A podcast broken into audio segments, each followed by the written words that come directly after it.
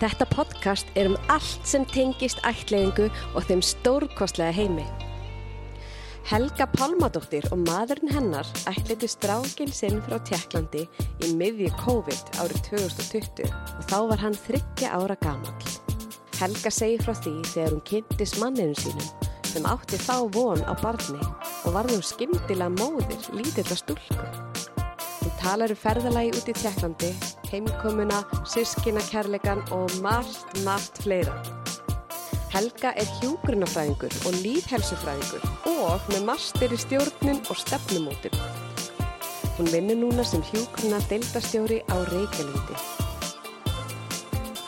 Helga, verður hjartalega velkomin til mín í spjall. Takk fyrir það. Takk fyrir að bjóða mér. Já, það var nú bara ánægjan sko. Ég er rosalega spennt að heyra sögun ykkar. Ef ekki að demba okkur bara í þetta alveg frá byrjun eða? Jú, sko, ég og maður minn, við sem sagt hérna, förum að vera saman þegar hann er óléttur. Já, já, Þannig að mér var bara svolítið demt út í svona fjölskyldu hlutverki frekar hratt. já, Að Þegar ég svona hugsa, ég var að mynda að hugsa þetta þegar ég var leining, bara, já, bara hvað á ég að segja, sko. Ég var alls ekki manneskjan sem, þú veist, ég fór að huglega badnignir eftir þrítugt.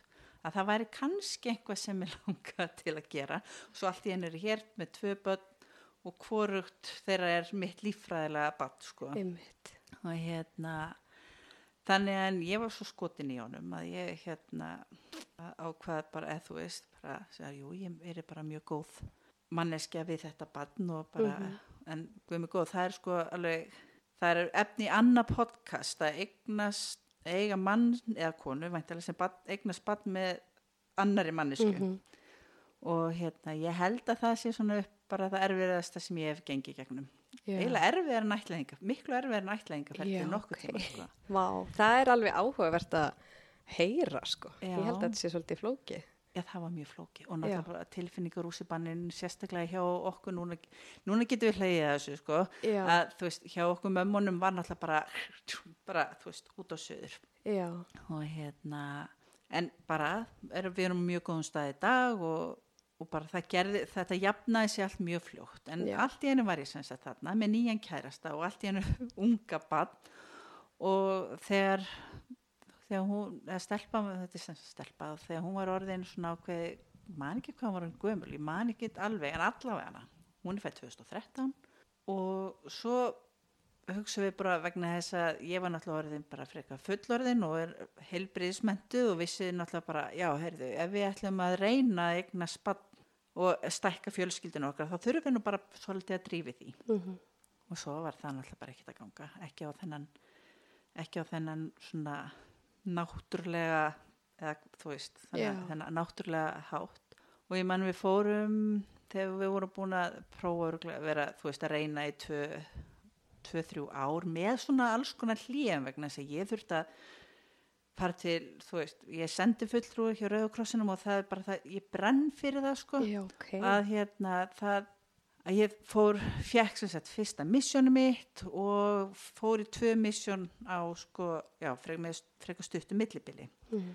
Þannig að það var svona, og það er það sem mér finnst svona erfiðast þetta er að jökla vinnu, engalífi, fjölskyldu saman Nákvæmlega, sko. Já, En síðan bara, já, kom bara ljósa að þetta var ekkert að ganga hjá okkur og við fórum uh, í eitt viðtal, ákvæðum að fara í eitt viðtal til sem sagt Livjó, mér minni að heita það þá. Mhm.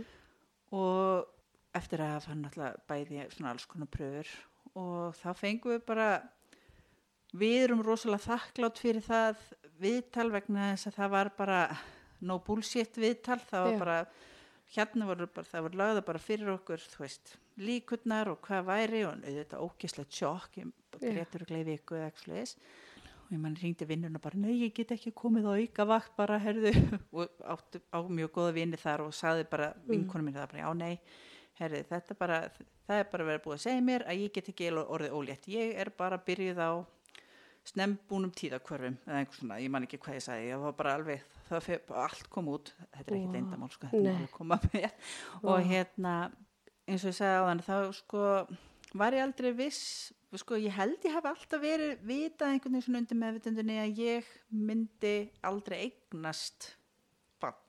Veit ekki hvort, að, hvort maður hafi bara einhvern svona náttúrulega eiginleika að þú veist, við erum ekki með þetta, þú veist, bara ég, skinja þetta já, sumir eru bara, þú veist, ég mann þegar vinkonum mínu sumar bara er ment og bara, ó, lagsu þetta til að eignast bann, bara, really, þegar við klárum ment og þá fann ég alla liði til að komast í útlanda á þess Er að það? passa börn einhver staðar.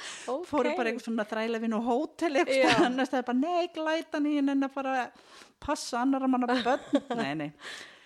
En við hérna sem sagt uh, og bara mín besta vinkona sem sagt ætleitt og hérna og bara ég þekki bara ætleitt fólk á góðu og þetta Já. bara var bara strax hjá mér við bara við sko þú veist, auðvitað var okkur sagt hjá Lífi og því, það er náttúrulega að reyna og ég bara neikvuð, ég er búin að horfa upp á líka fullt af vinum, það er kosturinn kannski við að vera orðin svona aðeins eldri fara í gegnum allt það ferli og ég grenja við dömubinda auðlýsingu þannig ég gat ekki hugsa mér að fara þú veist að sprauta mig með einhverju svona fullt af hormónum sko Ég held að vera að meina eftir að fá fréttinnar að væri að byrja á svona breytingarskeina þess að, að þá var að gráti úr döfumbundaulsingum. nei, nei, nei, nei, ég hef bara alltaf verið þannig.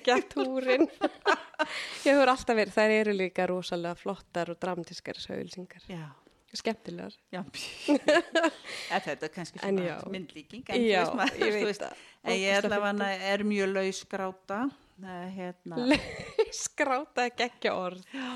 þannig að Lausgráta. ég bara veist, ég ekki hugsa mér að fara bara að reyna það einu sinni sko. og við, þetta, þetta var sumarið, já þetta var sumarið 2017 og, Já, segir fóru í rannsóknuna og fengum Já. sérlega skemmtilega niðurstöður. já, og svo bara um sumarið og þau bara buð okkur annað viðtal eftir eitthvað mánuð og viku eftir við fáum raunin þessa og svona, þá bara afpöntu við viðtalið. Eh, og hérna og ákvaðum að fara í ætlaðingaferlið ég hérna fyrst ég get ekki gert þetta bara sjálf og þá er þetta Já.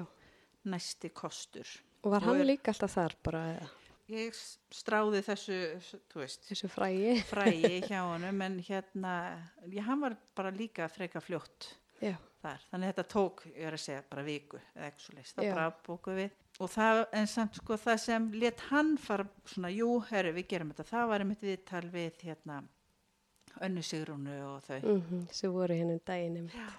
kom Já. heim með tvíbur og þá var þetta einhvern veginn svona Já. Þetta, já, þetta var bara mjög skemmt En það er svo mikilvægt bara þó maður sé, maður ekki byrja að taka þessi ákvörðun eða, eða hvað skilur, bara að fá hérna reynslu sögur annara. Því þá svona nær maður að ímynda sér og bara er þetta eitthvað sem ég vill eða. já, og fá Þannig bara að- einhvern veginn svona tengingu að þetta var einhvern veginn ekkit svona yfir, óyfirstíganlegt Nei, eða svo leiðis þetta er bara ævintýri.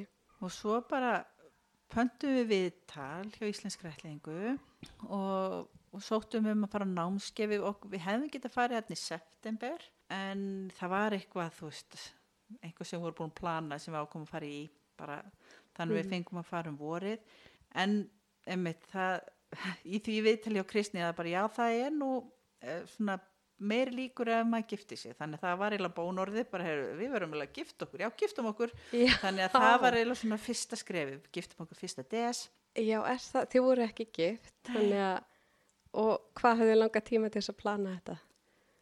við, það, við plönum þetta bara mjög stuttum fyrir að Já. sko, við giftum okkur síslumanni Já, og hérna fórum ég heldur bara veislu heima fyrir all, allra nánustu fjölskyldu, við erum ekki einu sem hringa sko, þetta var allt bara já, allt fyrir barni. allt, já, já og, en síðan var þetta búið að sætt og romantist Já, og svona en hérna en við höfum alltaf eftir að halda partí.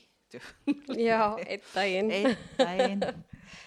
Og já, þannig að eiginlega upphafi var svolítið þetta brúðkaup. Og svo skemmtilegt að rifið allt saman upp. Er það hvernig ekki? að fara svona í gegnum já, svo fórum við þarna á þetta námskeið í það hafi ekki verið apríl og þá var þá haldið í árbæðasafninu Já, þetta ætling fyrir mig námskeið. já, Já, og vorum þar meðlum frábærum hópi og þetta gekk allt bara eitthvað svo ótrúlega smurt hjá okkur það er eiginlega bara fáranlegt sko já, það tók og þú veist, við fengum þú veist, það gekk fljótt fyrir eitthvað fljótt í gegnum síslumann þú veist, við flugum til Prag til þess að fara í þetta bleklesupróf Já, þurfti að fljúa til Prag. já, Hann er fluttið þanga. já, það var bara Var æðislegt. ekki geggjað, ég væri svo til í að fara nefna. Þannig við fórum, já, fórum þanga þannig við maður gerði bara einhvern veginn svona besta úr öllu svo bara í ágúst 2019 þá fáum við samþykki út í Tjekklandi Mhm. og svo 31. júli 2020 þá fáum við símringinguna Ok, þannig að þið eh, tók umsóknarferðli hvað, eitt eða tvö ára eitthvað svo leiðis? umsóknarferlið s- sjálft tók það ekki bara allavega frá því að við fórum út á námskeið og þanga til að við fáum 2018 og þá þetta eru svona eitt og hálft ár Að því að svo fengum við hérna, samþykjum við Tjekklandi í ágúst 2019 Já. og símringinguna 2020. Já. Hvað byggðið þið lengi? uh, tæft ár Innan við ár Já. að fá ringinguna. Ok, það er rosalega stutt tími, allavega núna, nútídags. Já, þannig að Vá. þetta var þannig að já, við áttum alls ekki vonaði Oh my god, ég fæ bara gæsa húð sko. Shit, ok. Og hvað hérna að því varst að segja svona rétt áður en við byrjum að taka upp að hérna alveg flestir svona búast ekki við því en við byggust alls ekki við því. Nei, nei, við vorum ekki farin að býða Nei, þið voru ekki fann að býða. Hvað heldið þurft að býða lengi? Ég bara átta mikið á því en ég mani að þú veist, maður var eiginlega komið með svona ok, ef ég verið orðin þetta gömul að þá, þú veist að maður hugsaði kannski svolítið um lífaldurinn sinn sko, Já. hvað, hvort maður væri þú veist, svona við þurftum ekki svona hugsa það þetta, ég veit ekki hvort maður haldið að maður myndi þurfa að býða 2-3 ára eða eitthvað svo leis Já, einmitt. Maður svona reynir að að halda í það, þú veist, Já. þess að vera ekki alveg að breymandi af eftirvæntingu, sko. En hvernig, hérna, hvernig kom símtali til? Herði, við vorum sem sagt á leiðinni, hei, við vorum ný komin heim úr veiðivötnum það sem við förum alltaf með fjölskyldunni eins og ári Já. og stelpan okkar var hjá okkur og hérna við bókstallega bara bókst, ég veit að Rúna fyrir mér að segja þetta en hérna það hérna hvað segir maður, við vorum bókstallega bara með þú veist, bara liggum við með slórið á okkur sko fiskislórið Já. og Rúnar er bara eitthvað á klósettinu og ég hérna bara eitthvað að gera og svo ringir Kristinn og bara hvernig stendur á hjá okkur? Og ég náttúrulega bara "Ah", fríka út þarna ríkin og klósettur Oh hann fekk ekki að klára þá klósettferð. Bara svaraðu símanu það er komið. Símtali og svo bara já, þetta var samt bara miðjan dag sko, og við búum þetta náttúrulega ná, nálægt en það við vorum náttúrulega með barn á heimilinu og það var bara henst með það til sem sagt mömmunar sko. Já. hún skildi náttúrulega ekki tíð þegar það var ekki tekið með hún var bara hend, já, hend á stað. Og hérna og svo ég, ég alveg bara, er í lagi að við fyrir í styrtu fyrir þess að við vorum ekki mjög reyn já, já, og svo fórum við bara hérna til hans Já. og fengum fréttinar að það væri búið að para okkur við lítinn dreng og hérna já, og svo bara fór boltinn svona rúlla við heldum við um sitt og það til Kristi tók mynda okkur fyrir svona steinrunnin svona einhvern veginn Shit, en dásamlegt. Hvernig, ok, ég verð alltaf spennt að heyra því ég man bara þessa tilfinningu, þú veist, þegar símtali kemur. já, Hvað fór í gegnum hausina þér? Shit, ég man það ekki. Var þetta ekki bara geðsræring?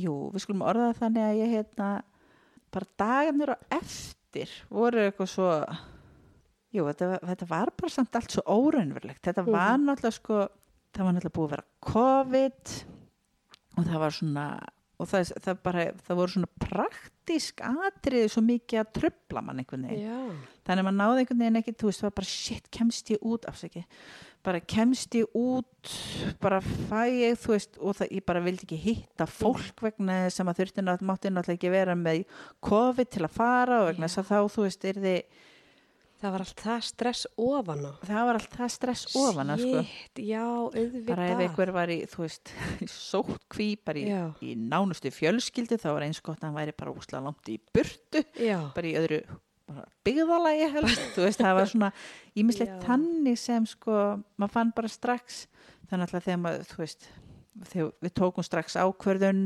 eða ákvörðun á staðnum og hérna já, sá segja já. myndina og Já. segja já og allt þetta sko. Og hérna, og ég var búin að vera hlusta á eða bara þetta er nú svolítið svipað svona allt í þessu. Við hefðum alltaf sagt já við bara, þú veist, við vissum það bara einhvern veginn Er það ekki? Var, fast er þetta ekki magnað að mæta hana? já, Svo skrítið að skoða bara eitthvað bunga eitthvað skjölum og svo er þetta bara barnið þitt og þetta er eitthvað svo steikt. já maður gæti einhvern veginn heldur ekkert sett þetta sko, það var bara eitthvað svona þú veist, einhver sem að las Mm -hmm. og það gaf einhvern veginn ekki þess sko já, og bara leiðum að svo myndin það bara já, jú, Já. þetta er Já, hann er svo mikið krút. já, hún Hvað var hann gamall? þryggjara, Hann var þryggjara. já. Nýjarum þryggjara Litli dásendarmóli. já, Ég nefnilega, hérna, ég verð að segja frá vídjónu sem að stelpan Já. ykkar vá, sko, maðurinn minn síndi mér þetta. Og þá voru því að taka upp vídjó þegar voru að segja stelpun ykkar frá að hún voru að vera stóra sýstir já, og þetta er fallegasta sem ég séð. Ég bara há öskur grenjaði þetta er svo fallegt vídjó hún var svo spennt og var svo glöð og þetta var svo Já. góðar þetta er bara svo fallegt. Ég bara, ah, þetta var bara gegja já. Mæli mig að gera þetta ef maður á já, eldra- bara eldra sískinni já. ég held að það sé svolítið gaman. Og þetta er svona svolítið skrítið sko, fyrsta manneskjan sem vissi af þessu öllu saman Mhm. var í, mamma hennar. Já, að þið, þið þurftir að fara með hana til mömmu sinni já, já, og þetta ra- stelpan var náttúrulega svo, þú veist, þannig að fyrst var þú veist, fólki finnst alltaf svo skrítið, bara já, þetta, er nú- já, bara, bara hín mamman, já, bara við verðum að hafa þetta, þarf að vera allt svona, en við erum náttúrulega með börn og þetta er bara hluta því. Já, og hún er alltaf búin að byggja mikið um að fá sískinni þó hún byggði ekki mikið um það núna en alltaf það er önnu saga. Já. en hérna já þannig við bara settust niður með henni og hérna en auðvitað það er náttúrulega rosalega erfitt fyrir svona lit, þú veist litla krakka. Hún alltaf bara þroskaðist um sko marga mánuð og ár bara við þetta allt saman Já. sko. Ha er ég að eignast sískinni, ha sem er þryggjára já. ekki úr maðurum bara, þú veist, þetta var bara svona þú veist, Já. þó maður var reyna og maður gat heldur einhvern veginn ekki undibúið en að sko bara já, þú bara einhver tíman kannski verður meðgangan, þú veist nei, nokkuð. tveir mánuðir, kannski verður þeir Fimm ár, þú veist Nú, hún er ekki beinlinni svona þólum að, ég man við voru bara sko búin að undirbúina með að, að, veist, að fjölskyldur væru alls konar Mhm. og allt það sko en já, en hún var alveg rosalega spennt og þetta var mjög gaman og skemmtilegt að þú veist, horfa á þetta núna. Já, og þú veist, eiga þessa minningu. Nákvæmlega. Þá var hún, hvað, sex? Já, hún var já, hún er sem sagt já, hún er var, var þá í öðrum bekk. Já, í Nýbyrjuð öðrum bekk, já, já. ok. Það var sumar fyrir öðrum bekk, bekk. og þið fáið myndina. Já, og sjáu hérna krúti kall já. og hvað tekur svo við? Við kerðum út um allt daginn eftir að við fengum fréttinar og bara, bara fjölskylda mín býr sem sagt rétt fyrir, fyrir þetta Selfoss já, og ha- hans líka svona svolítið dreift þannig að það var bara farin svona stóri suðlands rúndurinn að segja öllum frá og það var Já. alltaf rosalega glæðir. bara í beinni útsendingu bara hitta fólki og segja frá Já, vá, já. Ok, geggja. Fannst, já, já, og hún fekk að segja frá. Já, hún fekk að segja frá. æ, hvað það fallegt. Þannig hún var rosalega með þess að sagt, já, þetta Mhm. var svolítið hennar, hún fekk að eiga mómentið svona í því. með myndina og æ, mér finnst þetta geggjað nema þetta var náttúrulega svolítið svona, herri við erum með frétti við, það- við erum, þú veist Já, þetta hún bara, já, bíti, bíti, bíti þannig, en það, þannig að það gekk allt mjög hratt fyrir sig. Það var bara svona sekundi heimsón. já, Og bara, næsti. næsti. En það, var- já, þetta var bara mjög skemmtilegt.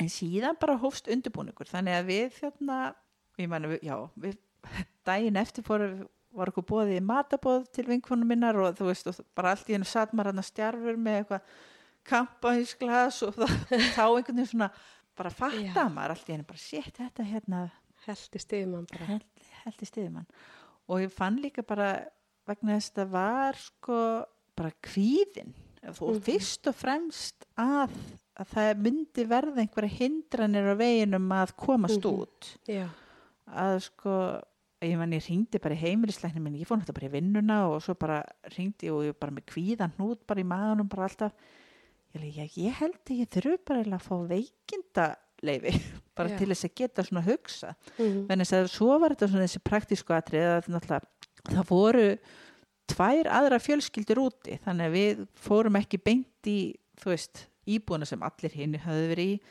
Við fórum ekki í íbúðuna á batnaheimilinu við fórum ekki veist Já, við, út í Tjekklandi voru tvær fjölskyldur að ætla börn á þessu tíma. já, á sama tíma. Þannig að það var ekkert mikið lust fyrir ykkur minnaru. nei, þannig að við þurftum bara að finna þú veist, þetta allt saman með, þú veist, og þau hjálpuðu okkur líka hjá Íslenskri ætlaðingu Já, og hérna og panta flug. Og svo var náttúrulega sko vegna þess að náttúrulega stelpa nokkur á tvær fjölskyldur eða mm Mhm. þú veist tvö heimili að það var líka sko ætti hún að koma með okkur þegar við vorum hittan í fyrsta skipti eða ætti hún að koma og fara með okkur heim bara og fá svona leiðbenninga með það hvað verið best í því Já. og þau vildu úti að hún myndi koma að vera með okkur þegar værum úti en síðan þurftu við að koma inn í heiminn það var náttúrulega bara skóli og þar var náttúrulega mammenar og Mhm. þú veist allt það þannig að mammenar var svo frábær að hún hérna kom og sótt hana til Prag er það? þannig að þegar við vorum búin að vera tværi vikur þannig most og þá sækjur hann hana já það er komið aðeins fram í tíma Já, smá sneak peek. já, en hérna Ok. En það er bara þennan mánu sem vorum já það vorum alltaf bara allt þetta þú veist, sækjum fæðingur orlof pantall flug þú veist, svo voru viðgerðar á blokkinni hjá okkur passa upp að þeir eru eitthvað heima þeir voru skipt um glugga þú veist, Já. það er svona ímislegt þannig sem var, þannig að það var einhvern veginn bara svona alltaf sko Mhm. sama tíma og það að vonast til að, að COVID væri ekki bara hérna koma full sving En hvernig var COVID-ið þarna? Við náðum að fara á milli bylgja í rauninni Já, Þannig að þið voru var ekki að býja marga mánuði nei, eftir að komast út. nei, nei, nei, nei, nei, nei, þetta var bara við hittum hann annan september sem sagt, fáum símtalið 31. júli og hittum hann annan september Já, ok. Vá. já, já, Ég sé hvað, ég er bara stressuð að heyra þetta því mann, hérna, COVID ástandi, sko. já.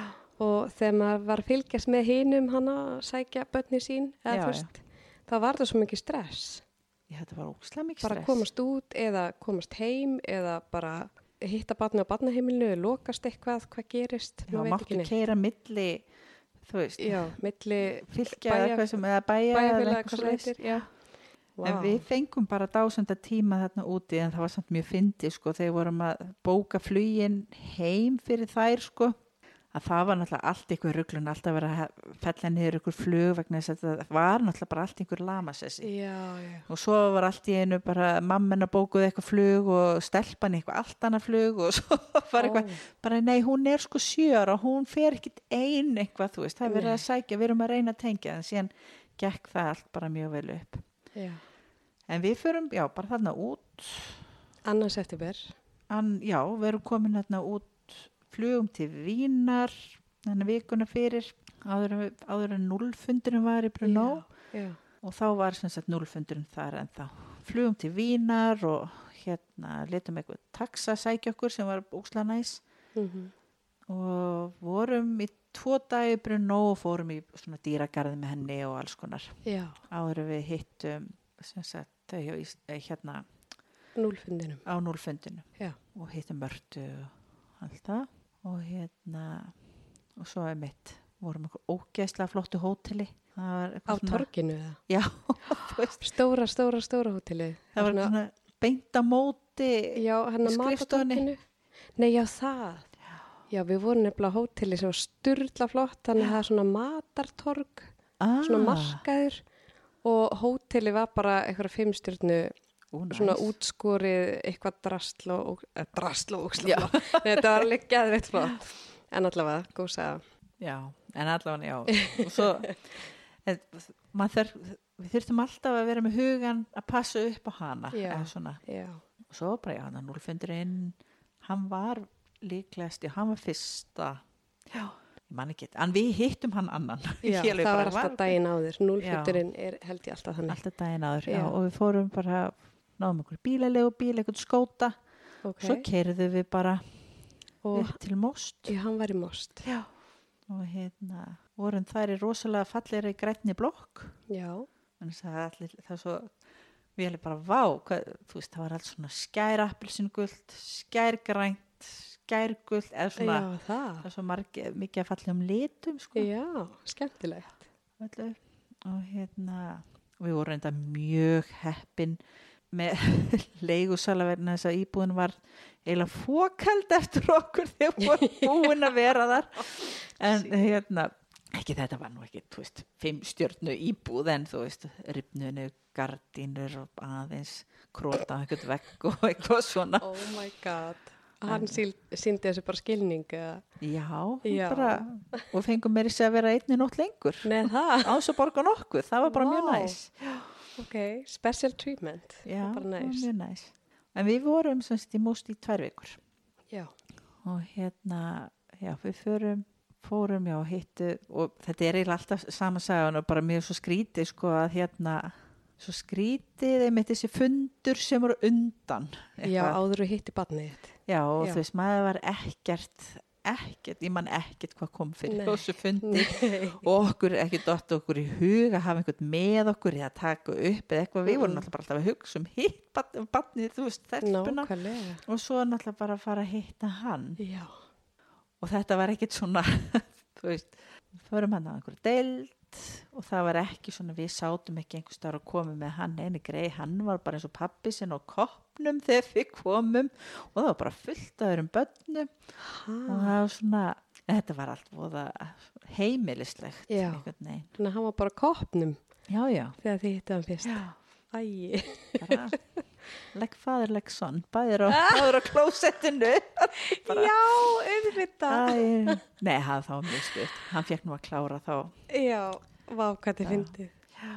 Þannig að, en hvernig var, þú veist, hann var bara að gera sitt Já. og tók hann eftir ykkur eða? já, já, ég, já, hann gerði það Var það búið að kynna, eða þú veist? hann, við vorum búin að senda hann einhvað myndir og eitthvað svolítið svo undan Mm síðan var var hann greiðin alltaf bara eitthvað hálf stjarfur að sjá eitthvað fólk bara hérna. Já, stórfurðilegt lið, já, horfa hann á koppinum.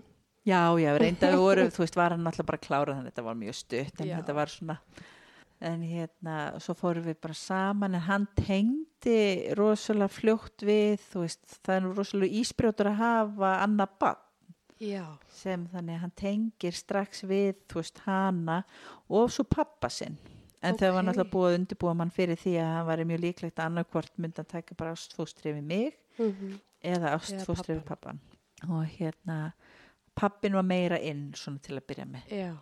þannig að svona ekki núna matjúk nei, nei, nei, jú, jú, það er svona alveg, það er frekar bara jöfn svona verkefskipting hjá okkur sko. En var það svona hann bara laðast meira honu fyrst og vildi meira vera bara þar? já, Var það ekki pínu erfitt? jú og nei einhvern veginn, kannski vegna þess að ég var búin að mann vissi það sko Mm að þetta gæti gerst og að það myndi lagast og Já. það gekk alveg eftir sko. en rúna minn er bara miklu meiri barnakall en ég er barnakona það er kannski líka bara svona þannig og hann á rosalega auðvelt börn laðast mjög mikið að honum Mhm. hann, hann er með eitthvað svona, já ég er óþólumóða típan í sambandinu Ok. og svona, já Já.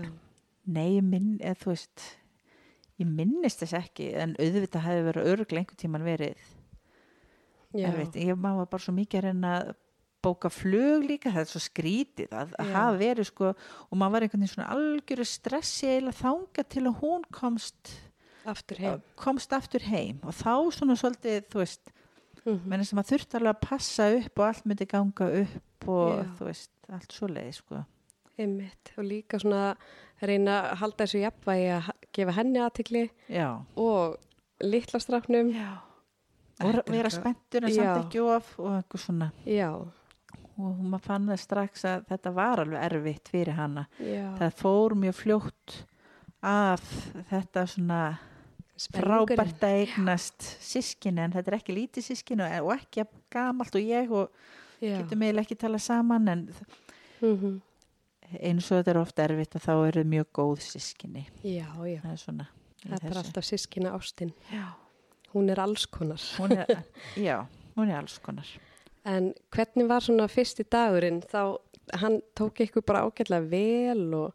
já en hann var, vildi sko þetta var við vorum með hann um einhver svona klukkutíma tvo tíma eða eitthvað svo leis og svo fóru við og Mhm. komum svo aftur og þetta voru svona nokkri dagar og ég vissi sko uh, sálfræðingur úr þess að bara vegna þess að við vorum alltaf að passa svo mikið upp á stelpuna að hún Mhm. bara ekki þau þetta bara þið takið ykkur bara tíma í þetta og þú veist þetta var ekki bara svona tveir dagar og svo bara gist hann hjá okkur hann fór ekki að gista hjá okkur held ég fyrir en þetta var alveg svona við lengdum alltaf tíman Já, aðleguna tíman. já, fyrst vorum við bara þar og komum svo aftur og svo hjálpuði hún að baðan og gefa hún að borða og svo komin í heimsókn í íbúina þar sem við vorum og svo, mér minnir að við vorum bara búin að vera svona að hitta svona í viku cirka þegar Mhm. við hérna, Fengu þeim svo alveg. já Já, og fyrsta nótin náttúrulega þú veist sem betur fyrir að maður var nú nætuvöktum að þú veist að það var hérna Já, ekkert mikið sofið Nei.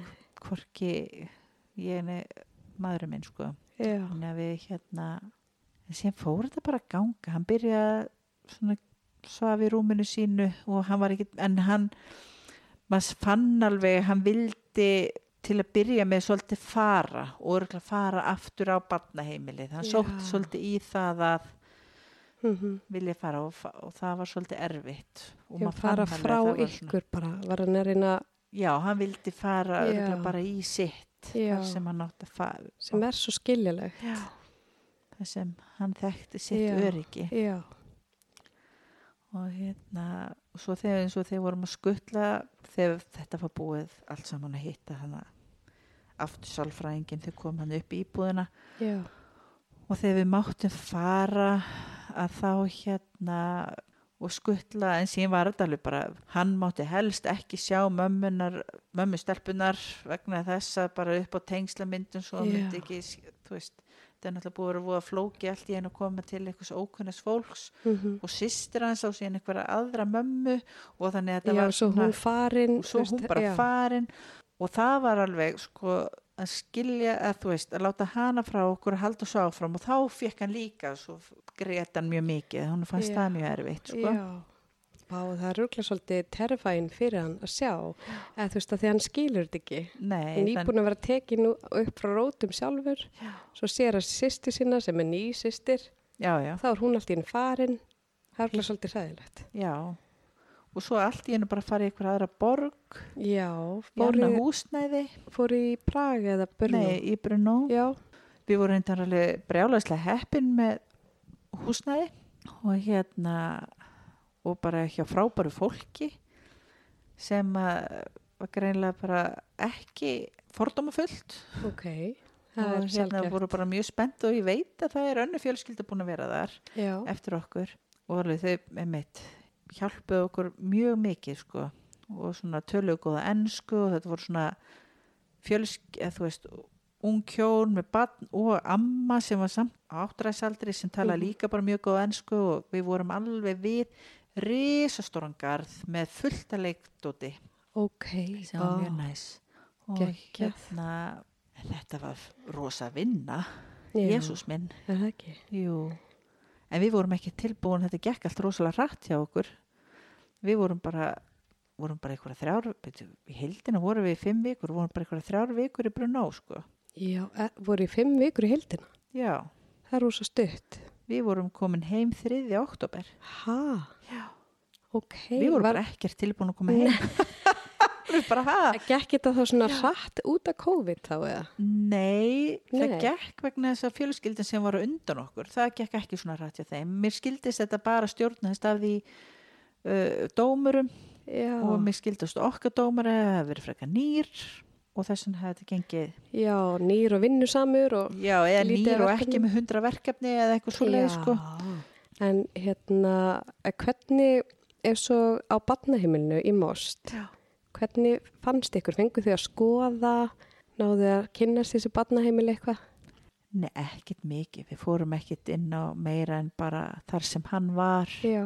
Svo vorum við náttúrulega bara úti í þessum garði, eða það var risas- risastór garður. Mm og hérna með fullta leiktækjum og vegna þess að við gistum ekki þar að þá var maður náttúrulega ekkert sko, þú veist, við vorum ekkert að borða þarna, við vorum bara heima í raun, eða þú veist Já, bara svona rétt að kíkja já, og leika með honum og that's it. Já. Já. svo bara þannig að þetta er risa stort gullt hús, Mm svona stopnun og svona og fólk er mitt í sjúkrahúsfötum Einmitt. en hérna Voru bara konur að vinna? Veistu það? Já, en mér finnst samt eins og ég hafi séð en hvort að það hafi verið uh, það hafi verið starfsmæður það eða þú veist Já. Hvernig það tengdist sko og ég held að þetta sé líka bara að maður var svo rosalega upptekinn af því að passa börnin veginn sín að bara að það væri svona passa upp á hana passa upp á þetta myndi alltaf þú veist ég held að maður bara veitti hinn einhvern veginn ekkert svo Nei, mikla aðtegli nákvæmlega. Það Það er mitt. Já, ég tengi svo við það því að ég svona sé eftir mörgu. Ég sé eftir að hafa ekki tekið meiri myndir og meiri vídeo af barnaheimilinu Já, bara til þess að eiga svona bara til þess að vita eitthvað. Þegar maður var í svona ástandi einmitt eins og lýsi bara horfa á barnið og hitt bara feitað út. Já. maður hefði viljað svona sjá bara betur og eiga bara minningar eða svona. En við fengum sko með honum uh, geisladisk. Frá því, þú veist, með myndum já, frá hann var lítill sko. Þannig að þú getur svona sínt sko, þú veist, bara já og við erum svona reglulega, þú veist, maður er ekki alveg stöðugt, alveg bara þú ert ætlitur, bara þú veist, alls ekki það hérna. En stundum spyr hann Já. og er að forvitnast og hann er Mhm. rosalega mikið að svona tengja bara, já, þú hérna hérna, amma mín, já, býttu, er þú sýstir og reyna Já. svona að tengja og svo var ég mitt nýbúin að vera í heimsókn hjá mitt vinkunum minni sem er ætlit og svo var ég að reyna að útskýra fyrir honum bara já, sko hún hérna, hún var svona ætlit eins og þú. Nú var ég maganum á henni. Bara ok, nei, þú ert ekki alveg hérna, já, ekki, ekki alveg alveg skilningun ekki Nei. kannski alveg kom til. Þetta er líka ógæðislega flóki flóki að vera ætletur það er það. Já, það er svona þannig að nei, ég bara viðkynna það við vorum ekki við vorum bara rosalega mikið í þessu praktíska alltaf bara og svona hann byrja, já. Og hvernig var þið fóru svo til Brno þá var Já. stelpan ykkar farin Já. til mömmu sinnar. Já, og þá var mikil sorg hjá litla manninum. Já, hann var það í bílnum allavega hann að leiðinu, þá var hann alveg já, alveg ómögulegur. Þeirri fæti við því að, já. En hvernig var þessu þegar hann var hrættur eða að gráta svona? Máttu þið huggan og þannig já, við máttum það frek og hann bara frekar fljótt vildi vera í bara í svona- fangi eða, já. já, og er það eiginlega bara svolítið ennþá. Já, og við bara leifum það. Og auðvitað það hérna og svona en hann er ekki kvartsár. Alls ekki. Eða svona þú veist maður þarf alveg maður þarf alveg svolítið að svona fylgjast með því að en jú jú hann alveg þú veist vá núna finnst mér bara er með komið alveg bara minnisklu bara hérna hvernig var þetta hérna í maður er fljótur að gleyma en maður hérna já maður er nefnilega frekar fljótur að gleyma Mhm. en jú jú en hann reyndi alveg á öll mörg þú veist Mhm. alltaf, þú veist, strax að íta matnum fram af svona, þú veist, vill ekki þetta og bara hendi Já. og hlaupandi frá manni og þú veist, í fangið á öðrum og oh en þetta er svona, bara, þú ert besti vinnu minn, en þetta er sem betur fyrir hægt. já, Það það er, er þú veist, ja, hann er forvitin um fólk, en hann er Já. svona, En hann hljóp mikið til annara, já, bara allra. Já. Ókunnura. já. Já. Já, Þannig við vá. fórum ekkert mikið út úr húsi. Var En var það þá líka út í Tjekklandi? nei við vorum alltaf bara svo mikið einn þar. En það við er aðeins við stutt. komum. Já, líka COVID. Já. Já. Og þá þurftum við að vera, þá var komið grímuskildi rétt ára fórum heim. Og bara já, fyrir tveggjar og eldri og svo reyndum við að finna minnstu grímunar og þar voru Mhm. bara, bara hvað er að spára bann tveggjar og eldri með Það grímu. Það er galið sko. Það er bara hræðilegt. Jésús. En hérna, þannig að það gekk bara svo þokkalega vel hana út af Bornó. Já, út já, í já. Bornó. Það gekk það. segja. Já. Já. Og náðu að gera eitthvað, þú veist, fara út á leikvelli eða... Já, við gerum svolítið að því, en við ætlum að gera alveg rosalega margt annað. Við ætlum að skoða einhverja kirkju og við ætlum að fara í sönd og við Já. kiftum aðalega þarna, það er eitthvað svona risa íþróttavöru verslun og við bara, wow, hérna getum við kift ógíslega mikið íþróttafötum og Já. við gerum það. En þetta, við vorum ekki tilbúin alveg að fara heim, Nei, sko. þið voru svo stutt. Já, Og þetta er fljótt að líða þessi dagar. Þið hafið þannig séð lítinn glugga til þess að halda rútínu, lítill gluggi til þess að gera eitthvað svona aðeins öðruvísi. já, neini, þetta Þannig var bara, en við fengum rosa gott viður. En síðan, sko, vegna þess að við vorum búin að segja öllum að við yrðum í 6 til 8 vikur Já. úti að, að minnst okkosti að þá bara laumuðu okkur heim Nú. við letum bara enga vita Ha? já. þannig Ok. við komum bara heim og vorum Býttu, voru við, þurftum við tí, ég man ekki hvað sótt kvíjan var löng þá, hvort hún var tvær, nei hún var ekki alveg tvær vikur, Það er ekki tíu dagar. við minni það tíu dagar, Mhm. þannig við vorum bara heima, letum enga vita að við vorum að koma heim, Og lítið unga vita að þið voru lent. nei bara sýstir hans, Rúnars Oh vissi þetta vegna þess að hún var með bílinn og eitthvað svona frá okkur, Já. og þannig við fengum bara að vera alveg í friði sem var líka bara, það mátti Já. hvort enginn koma þú veist, við máttum ekki hitta neitt en þá ná, við náðum svona að svona lenda Já, heima. heima á þess að og hún, stelpan þurfti heldur hún vissi heldur ekki var hún komin heim þannig að við bara bankum fórum bankum upp á hjá henni Oh my god, já þið er komin tilbaka. þegar komum tilbaka og þegar vorum búin með Í sóttvinna og allt já. það sko Ok, en hvernig fannst honum þegar þið voru komin heim og búin sína myndi náttúrulega í búðinni og allt þetta? Já, hann var bara mér finnst bara einhvern veginn eins og hann hef alltaf átt heim, eða þú veist. Mm Hún bara lappaði hann inn bara, já, kekja, og bara það var ekkert svona og þau voru þannig bæðilega krakkarnir að þú veist, við höfum þurftum einhvern veginn ekkert að færa neitt, að taka neitt í burtu eða þú veist, hann var- voru alltaf búið að rústa öðru heimili. Þannig að það þurfti ekki að Já. þú veist, Búin Hann að fá ekkert að- útrásin við það. Já, var ekkert svona já, það bara gekk vel en hérna, hann var náttúrulega í rúmi inni hjá okkur til að byrja með við erum náttúrulega lengur búin að fjarlæga það rúm vegna þess að hann sefur náttúrulega bara upp í greið Já, hann færði sig og svo fyndi fyrst var hann alveg svona vild hann væri bara í svona rúmi og svo bara færðist hann alltaf bara nær. alltaf nær Æ, já. en dásamlegt. já og bara allar hugmyndi manns um batna uppbildi alveg sama hvernig það er það er bara, mann getur alveg gleymt því og ég held að sé ekki bara í, í þessum sko kringstæðin, ég held að ég er alveg mamma já það eru bara, þú sefur náttúrulega þínu herbyggi og þú náttúrulega sjálfsög sopnar bara sjálfur og þú veist, nei. Og ég er svo sammálaðis. þetta er bara þú bara einhvern veginn fylgir einhverju takti sem barni þarf að fara sko. Já, og hérna og svo þú veist, jú bara þú veist, ég, ég misti mig eins og í fæðingarorlofunni í einhverju svona ég, ég er bara henni mónolog bara bla bla bla bla, bla Já, svona þegar maður byrja að tala að hérna, maður misti sig ég bara lesa allt og ekki neitt og svo einhvern veginn komst ég að því bara ok, maður les bara úsla mikið og svo bara tekur maður það úr sem manni finnst henda þess að það er einhvern veginn ekkit eitt Það er ekkert eitt rétt þannig. Eða, jú, örgla, ég veit ekki. En þú Já. veist, maður finnur bara hvað virkar.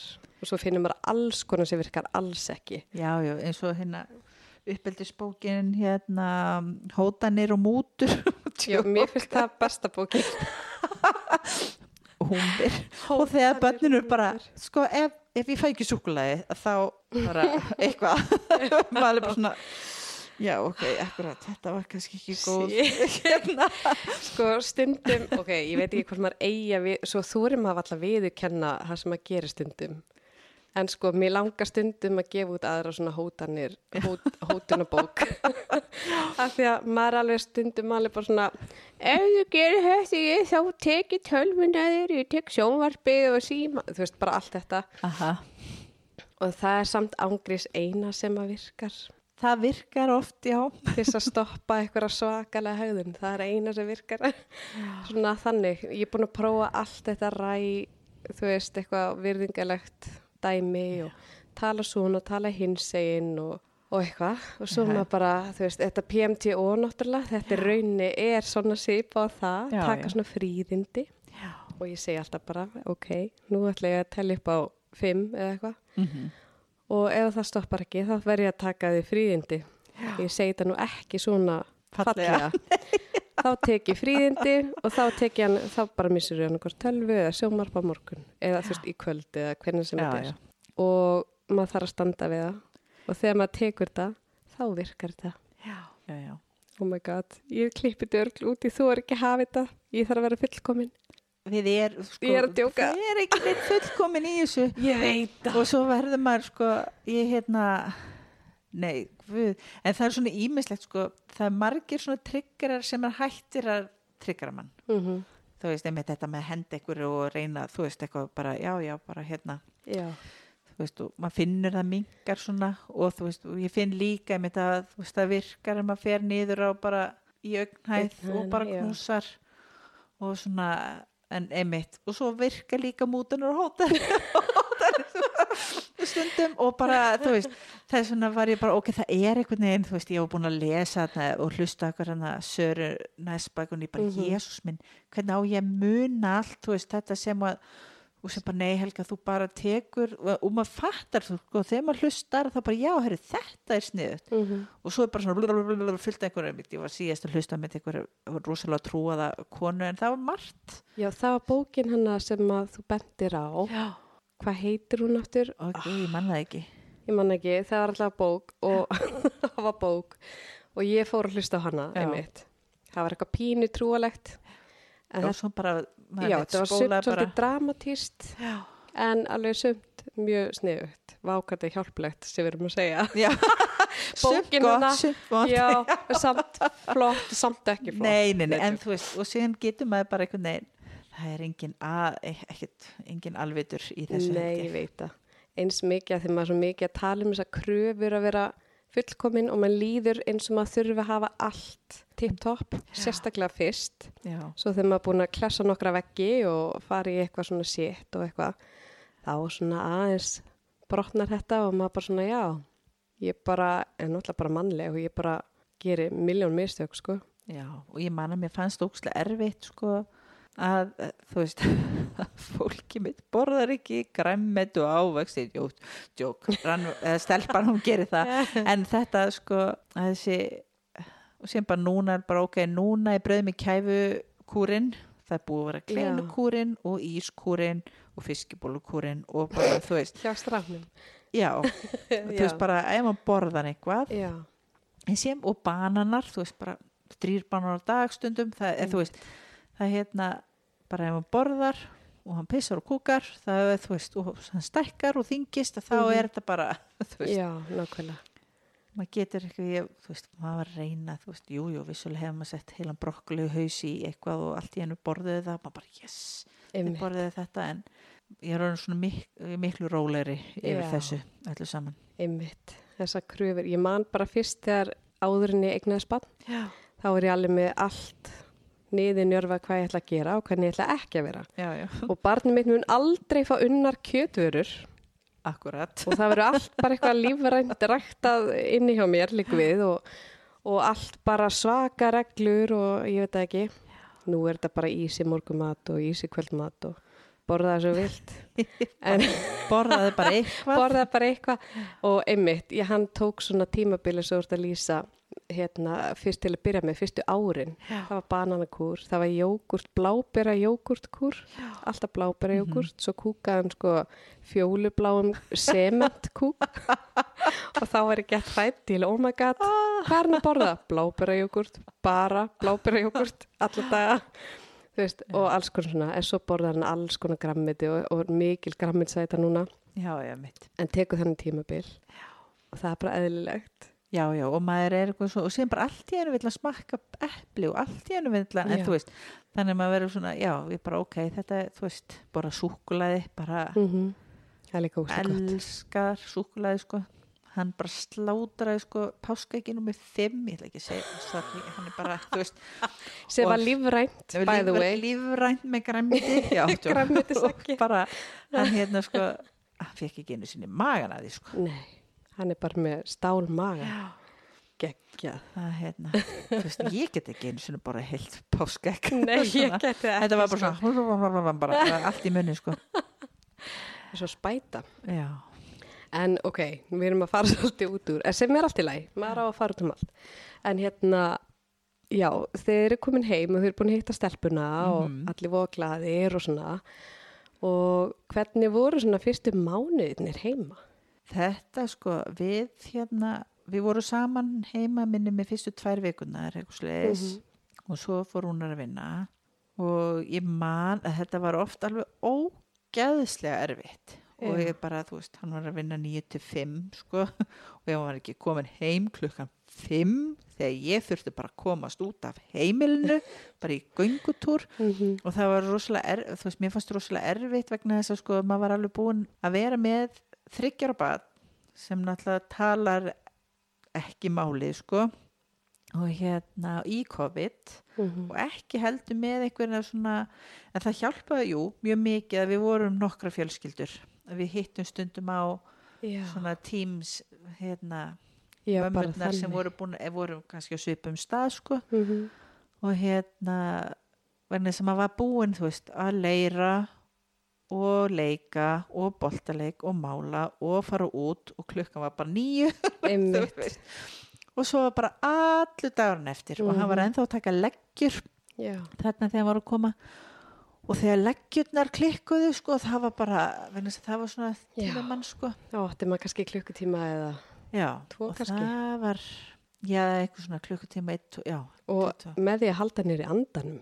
Er þetta ekki eiginlega þannig, að því að Bara- rumska við allt. Já, já hann Shit. reyndar, við höfum reyndar að vera mjög heppin, hann bara sopna klukkan átta og hann sefur Oh alla nóttina nice. og hefur alltaf gert og bara það hefur verið mjög næs sko. Já, en maður fann bara hvað þráðurinn var rosalega lítill og Mhm. stuttur sko og þetta var bara, það var, mér fannst rosalega gott að komast að vinna já, að fara svona komast úr þú veist, ég byrjaði bara í 50, þú veist hann var byrjaði í leikskóla, við komum já þannig í oktober, hann fór byrjaði í leikskóla miðjan í janúar já, og var hérna og ég var bara í 50% vinnu, ég man ekki, ég var í 6 mánuði svo rúnar í þannig restina þannig að já, þetta var bara erfitt mm já, þetta var líka dimmur tími, þetta Já. var hann að hvað nópi desember og stallið tvo mánu ein í fængarorlofi, á orlofi, hérna gæsalappa. já,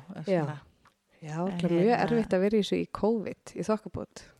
já, þetta var svona og maður var einmitt ekkert eitthvað hérna, svo bara allir fá COVID og svo allir fá, þú veist Mm -hmm. að því man ekki hvað bylgi þetta var þetta var eftir bylgju 2 eða eitthvað svoleiðis. já. Þannig að það er svona, en jú, gefandi, en þetta var alls ekki eins og maður held að fæðingar orlofi Mhm. væri. Þetta verið dásamlegt. Já. Það væri bara dansrósum. Mm. Jésús. En hvernig hérna tók hann svona, hvernig maður að útskýrta það, þú veist, þið var náttúrulega aðalega bara tvö alla daginn, eða ekki? Jú. Var það þá ekki byrja að eigna sér þig? Vá, ég hef ekki pælt í því. Nei, við kannski, við vorum, höfum allan tíma verið mjög dugleg sko í því að hérna, eins og segir alltaf þegar hún kom heim klukkan 5, tjók, að þá fór ég bara í göngutúr og þá voru þeir Já, sko. Já, En við höfum alltaf bara skipst á já. að svæfa og þau bara, þú veist það vill meira vera með mér sko Ma mamma er Auðvitað. mýgri sko en hérna en við, veist, við höfum Mhm. reynt alveg að, veist, skapa þessa þannig nei, ég upplifi það ekki þannig og hvorki þegar ég var nýja þegar uh, Rúna var að Já. veist hann hafi verið meira svona hann er eignaði sig mig ekki alveg svona Svona hart. nei, Nei. Og þú mátti fara í göngutúr. já, já, já, já, Já. og bara, að, manna, mamma kom einhvern tíman og hún bara, ég leið mamma, ég ætli plokkun og litun, eða þú veist, maður þurfti alveg svona Já. að búa til þessi litlu svona breyk, að þú veist, Já, það þarf vist heilt þorp og allt þetta til þess að Mm ala upp, bara, Nákvæmlega. Það er nöðsilegt að fá þetta breyk, sko. Já, já, þannig er maður galin. Það er bara annars missum maður alveg viti, sko. Og hvað? Ég er búin að vera miklu duglega að fá breyk en maður minn nokkuð tíman bara, Er það? já, já, já, já, þú veist, ég er búin að fara einhverju skíðanámskeið og fæti útlanda, hann er alltaf heima. Ég bara, Það? já, Og vill, já, hann er bara svona heimakær. já, og ég meiri segja, sko, einhvern tíman, Helga, ég ætla að fara á happy hour. Ég bara, já, fara þá á happy hour, við gerðum það? Svo bara, þetta er komin heim, klukkan er bara sjö, alveg. er ekki happy hour aðeins lengri? Það eða? lengra en það, nei, en þá hérna, nei, nei, þannig að, þú veist, hann er alveg svona, þú veist, á heimilinu, sko. Já, já, bara stóð að stýtta heimilisins. Já, ég hann á það miklu meira en ég, sko. Jú, nei, ég segi svona, það er bara, hann er mjög góðu pappi. Já, þið er bara gott heimi. Já. Já, ég heldur við bara svona, Maður þarf- svolítið að vinna vel saman. já, við, við um hvort annað upp í þessu. -hmm. Hvernig gekk hún svona tengjast og ykkur? Það gekk bara, ég myndi segja það hafi gengið vel, náttúrulega kannski ekkit fullkomlega, sko. Jú, jú, jú, það bara gekk vel, en sko eins og við vorum að ræða kannski, það var svona tímabil það sem hann, sko, og svo er hann svo mikill sjarmatröll, sko, að fólk Mhm. bara, þú veist, leifur honum og hann kemst upp með allt undir sólinni, sko. Er það ekki? Bara ja, koma afgreði hérna, þú veist, í bakari, Mhm. ekki máli komdu afgreði og við bara nei, þá að segja nei þú veist, bara, Já, bara hey, hefur bara, það gerst? já, bara, ekki kannski í bakari en í búðum sko bara Nei. já, já, já, Oh, algjör, þau kunna sjarma þessi börn. já, Sýtt og þessi augu bara, já, já, já, já alveg Vá. svo sætur og alveg bara og skemmtilegur og allt sko en það, þetta, þetta allt hefur minkað og þú veist, Mhm. og það var bara einmitt síðist í gæra hérna að við vorum á einhvern svona stað og þá svona voru, já, hvort það var ekki bara, já, vorum ekki og hann svona fannst, þurfti að finna svona höndina það var svo mikið af fólki, bara að finna Já. það að við værum, já, að hérna. leita til ykkar aðeins. leita, já, Já. passa að treysta því að við værum hérna á réttum stað svona, Mhm. en jú, tengslin hafa bara verið nokkuð góð Já. Er þetta ekki pínu hluti af tengslar rofi eða röskun eða hvað sem maður kallar þetta uh, þegar eru svona ótrúlega frökk. Jú, mér skilst það, sko Þannig að það er svona að segja um því myndi frekar kjósa hitt eins og svona rokka var bara límdur og þetta er endar vandamál dag, þú veist, hvað sjö árum síðar líkvið, já, já, bara alveg ekstrím passas, passífur á okkur fóreldrana já, og hrættari við já, já, einmitt. En svo er það akkurat hinnendin sem vart alveg bara ferð til allra ókunnuga já, já. líku við og bara til í allt. Þannig að sko sem betur, já, betur fyrir hefur það, það hefur minkað Minnkað, af því já. það er með komin sterkari tenging já, og hann byrjar að læra að því séu bara hans akkurat. það tekur hann bara svolítið tíma Já, þetta tekur alveg langan tíma, sko. Og við, við fórum einmitt á skíði um daginn og bara stelpan fór á skíðaskóla og hann alltaf líka farið í skíðaskóla. Við fórum á samt öllum öðrum á landinu og akkur er í skólafríðinu eða eitthvað svo leist.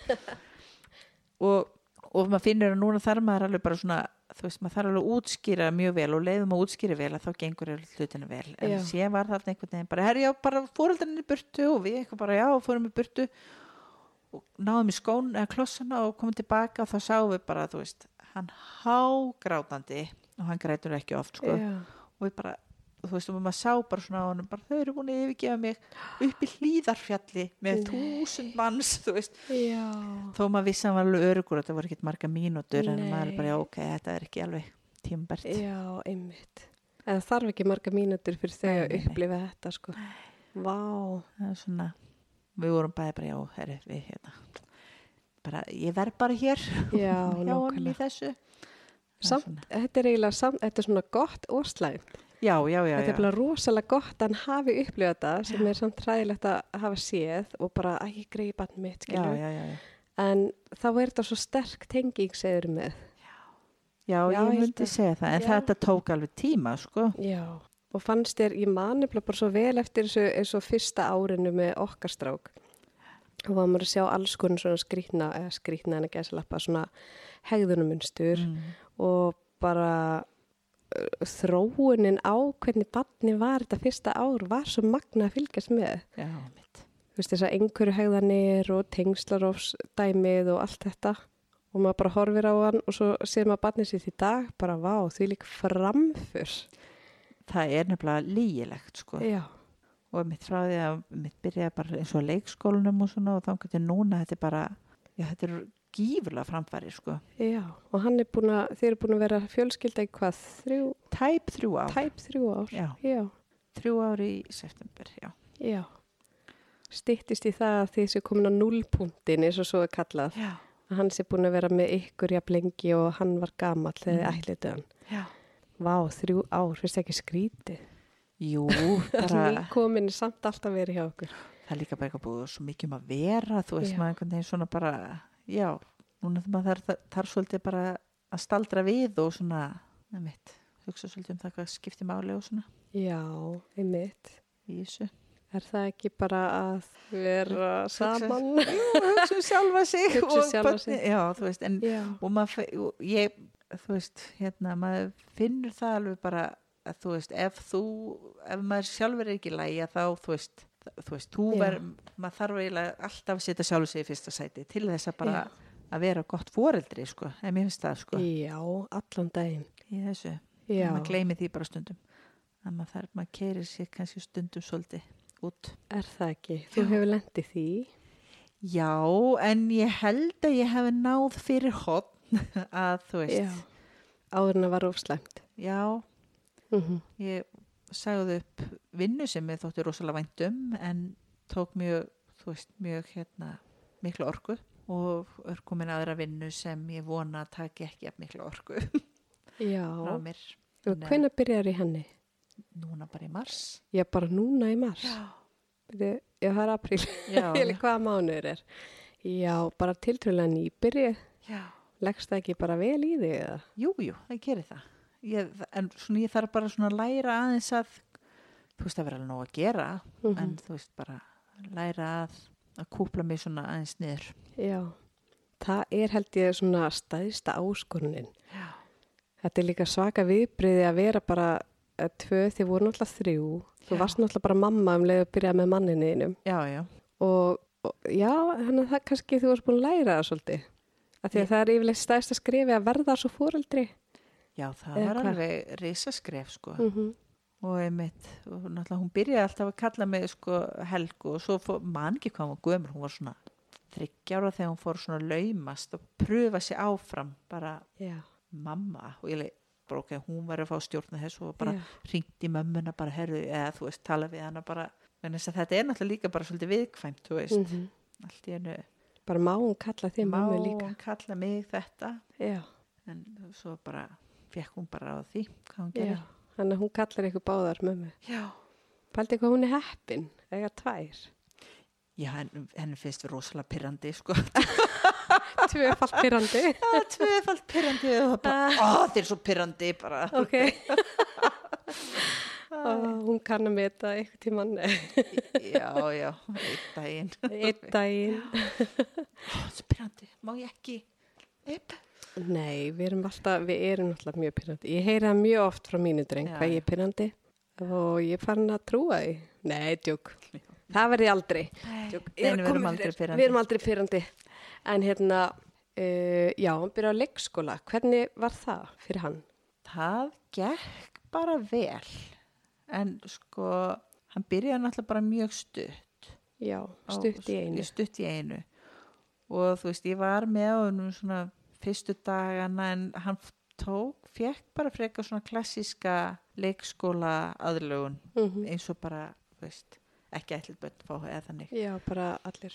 Já, og hérna, og hann var svona til að byrja, já það gekk bara vel auðvitað, þú veist, hann, maður sá, þú veist, bara, þú veist, hann var náttúrulega bara svona á eftir með margt og eitthvað svona, Mhm. en leikskólinn hefur bara reynst honum alveg rosalega vel Já, og hann líður rosalega vel í leikskólanum og hlakkar alltaf til að fara ángað og hérna, og þú veist, þetta verður, það verður rosalega stökk fyrir hann að fyrir skóla já, er hann fyrir skóla núna í haustu? Já. og það er Já. svona já, þess að þetta er þú veist, bara lífið hans er rosalega einfalt, þetta er bara við og þetta er leikskólinn og svo ömur og Mhm. afár og sund og þú veist, eitthvað svona Já. fimmleikar en það hérna, það er einhvern veginn ekkert við reynum að hafa þetta eins einfalt og hægt er Já, en já, skóli bara, hann bara líður rosalega vel í leikskólanum og ég manni það tók svolítið svona tíma að fá þau til þess að vegna út af COVID og alls konar að við vorum alltaf að reyna að þröngva námskeinu frá íslenskra ætlingu mhm, inn á, þú veist, inn í skólan það bara já, nei, og bara, þú veist, nei, hendur ekki hér og ekki, hendur ekki hér og það var, þú veist, bara bara, íttum það og, það og það voru allir mjög þakklátti fyrir það og bara Já. svolítið sáu þú veist, mhm, allt í öðru ljósi og bara Já. líka þetta bara er ekki bara fyrir vegna þess að í hverfin okkar er náttúrulega svolítið mikið sko, fjölmenningasamfélag og þar eru hérna margir sem, sem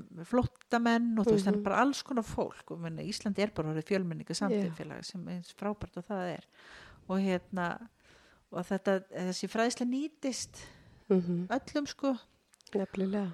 þannig að hérna og þau bara já, þú veist bara jú þetta var frábært að fá þetta og þau Mhm, eru að reyna að vanda sér alveg rosalega Já, og einmitt líka bara hvernig þau vilja vita hvernig, þú veist, hvernig við ræðum öll þessi mál við hann og bara Já. svo þau notið svo með orðin og, já, og einmitt. svona þú veist, Það er mjög góð punktur.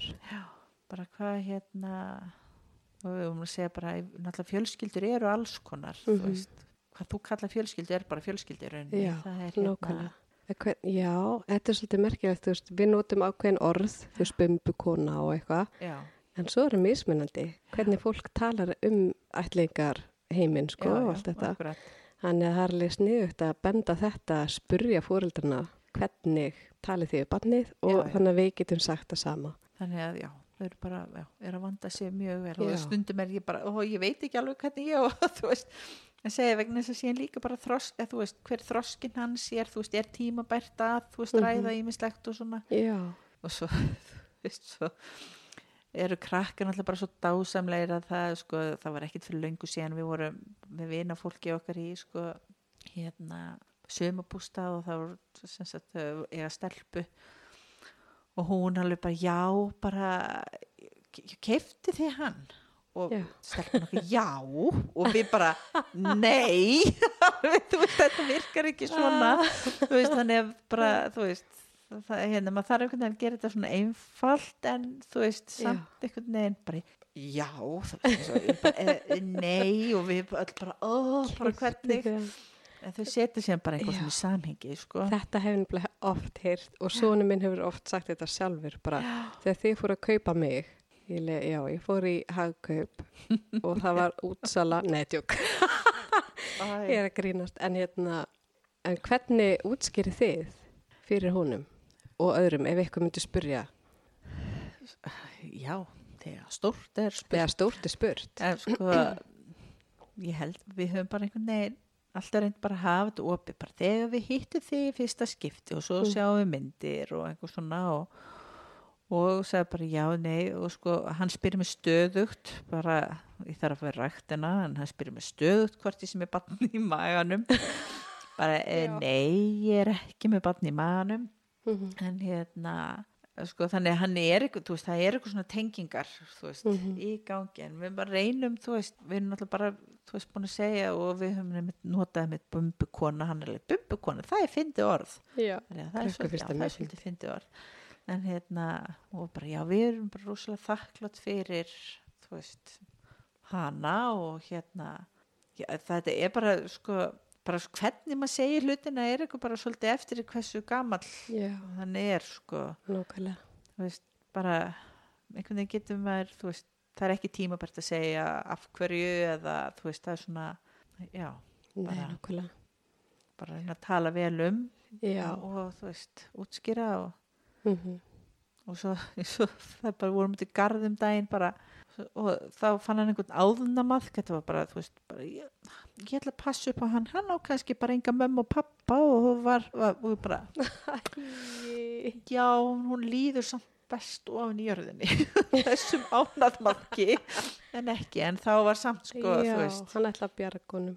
En það er, þú veist, það er rosalega mikið í gangi í höfðinu og Mhm. maður finnur það alveg, sko, er að spá og spekula, Já, hann er að reyna að púsla þessu saman. Já. finna út Þetta er náttúrulega svo ógisla flókið. finna út svona. Fyrst er ekki koma bara svona tímabil, það sem er bara ekkert að spá þessu og svo ógeðslega mikið að spá þessu. jú, og hann sko, hann kannski spáir ekki mikið í bara öllum þessum tengingum og bara, þú veist, einmitt mamma, pappi, amma, Mhm. afi, þú veist, og einmitt þetta, einmitt þegar hann sp- bara, já, og er hún, var ég maganum að henni vegna þess að hún var líka ættleitt og Já, svona, það er já. svona hann verður með komið rosalega góða grind á þetta bráðum, þetta verður svona já, nei, nei, við reynum bara að vera opinn og Já. svona Já, það er eina viti. Talum myndi eins og sé ekkert eðlera. Þetta ánáttúrulega vera bara þannig og gleðilegt. og líka með það, við höfum náttúrulega líka þann kost að stelpan var heldur ekki í maganum mínum Já, þannig að það er svona, einmitt. getum svona aðeins setta þannig í samingi Já, já, nákvæmlega. Ég myndi alltaf að tala um minna sem er bílaða bumbu, já, en hann er samt að spurja já. hvort að ég sem er barn í maðanum. Ég held að það er ekki hægt, það virkar ekkert hjá mér. Nei, ég er með bílaða bumbu. Þannig að, og, sögðum sískinni, ef að það myndi koma þá var það frá okkur bumbukonu í Tjekklandi, sko. Tekla, já, En ekkert, það er ekkert að koma út úr mín líkama. Nema vittlesa, það er eina sem kemur út, út úr mín líkama. Elsku að hann er að fara í fyrsta bekk mm og það verður nú eitthvað. Ég var mjög stressuð fyrir að minn byrja skóla, sko. Því þá er þetta utanumhaldi í leikskólanum, það er svo rosalega þétt haldi utanum krakkana. já Það er aðeins minna, svolítið mikið minna. Ég bara átta mig einhvern veginn ekki á því hvað sko, þú veist, ég sína að maður líka reyna að forkvíða þessu ekki sko, Nei, að reyna bara þú veist, bara sjáum bara hvernig þetta fer. Já, en hérna ég treysti því að leikskólinn gefi góða skýrslu og þú veist, mm og svo verðum við bara hérna óþólandi fóreldrarnir, bara. Ég held að það sé bara eina sem maður getur gert sko, Já, já, sem verðum maður líka bara svolítið að treysta sko, að hérna bara já, ekki forkvíða þessu Það er bara auka álag já, sem að maður gerir sér óvart stundum. Já, það er bara svona Ok. Mér- ef hann verður ekki mjög stressaður yfir þessu og þú veist, þá Já. bara Þá verður þið bara slög.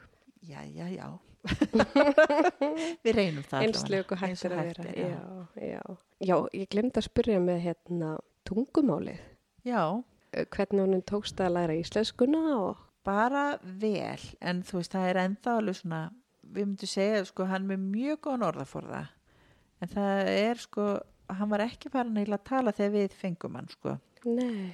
þannig að hérna en sko svona framburðurinn hjá honum er oft svona, hann, við skulum orða að hann verið skýrmæltir með hverjum deginu sem líður Já, þannig að við skiljum allt svona sem að segir hann Mhm. liggur rosalega lágt rómur já, ok. og hérna en síðan hún dóttur sem liggur rosalega hátt rómur og þau Mhm. eru svona einhvern veginn balansar hvort annað þarna í þessu sko Já, en fyrst var hann náttúrulega bara fólk var ekkert að skilja hann og þá var, og þá var hann svolítið svona reyður Mhm. eða þú veist, hann var alveg að segja en núna það er allt að vera betra Já.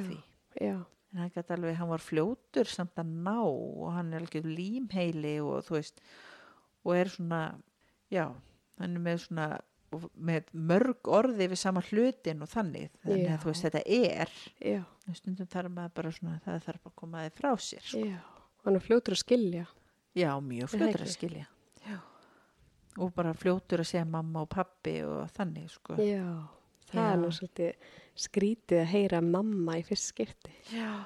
og bara líka mitt veist, vegna þess að með nafni líka hvað hann var rosalega fljótur að bara svissa bara Mhm. "Nei, ég heiti þetta ekki lengur núna heiti ég þetta Já, er það? Já, hann hétt allt öðru nafni úti. Já, það reyndar fylgir sagt, hann heiti þremunöfnum þannig að við Já. gátum ekki við tímdum ekki, hann á sagt nafni sitt líka en Já, þá, er sko. það, ok. Þannig að það er í þriðja. Já, Dutt, dutt, dutt. Já, en geggja. Þannig að hann getur haldið í það. já, já, já. Hann notar það samt ekkert. Nei, hann gerir það ekki, allavega ekki ennþá. Eða notið hann þegar skamman? Nei, nei, þá er alveg úksla langt. Þetta er alveg alveg mánuð. Nei, nei, nei, það, nei, nei. Nei, við þurfum aldrei að skamma þessi börn. Nei, nei, nei, nei, við erum náttúrulega fullkom. Við erum bara leiðbeina á uppbyggilega máta. Jú, maður reynir það. Maður reynir að sjálfsögðu. Já, þið hérna voru þrjú að sækja svipuðu tíma úti Já, og voru að halda ykkur í hérna sambandi til þess að styðja hver aðra eða ekki. jú, við vorum sem sagt fjó, fjórar fjölskyldur sem fórum út þetta sömur. Ein fjölskyldan fór svolítið undan, svo vorum við þrjár hérna svipum tíma.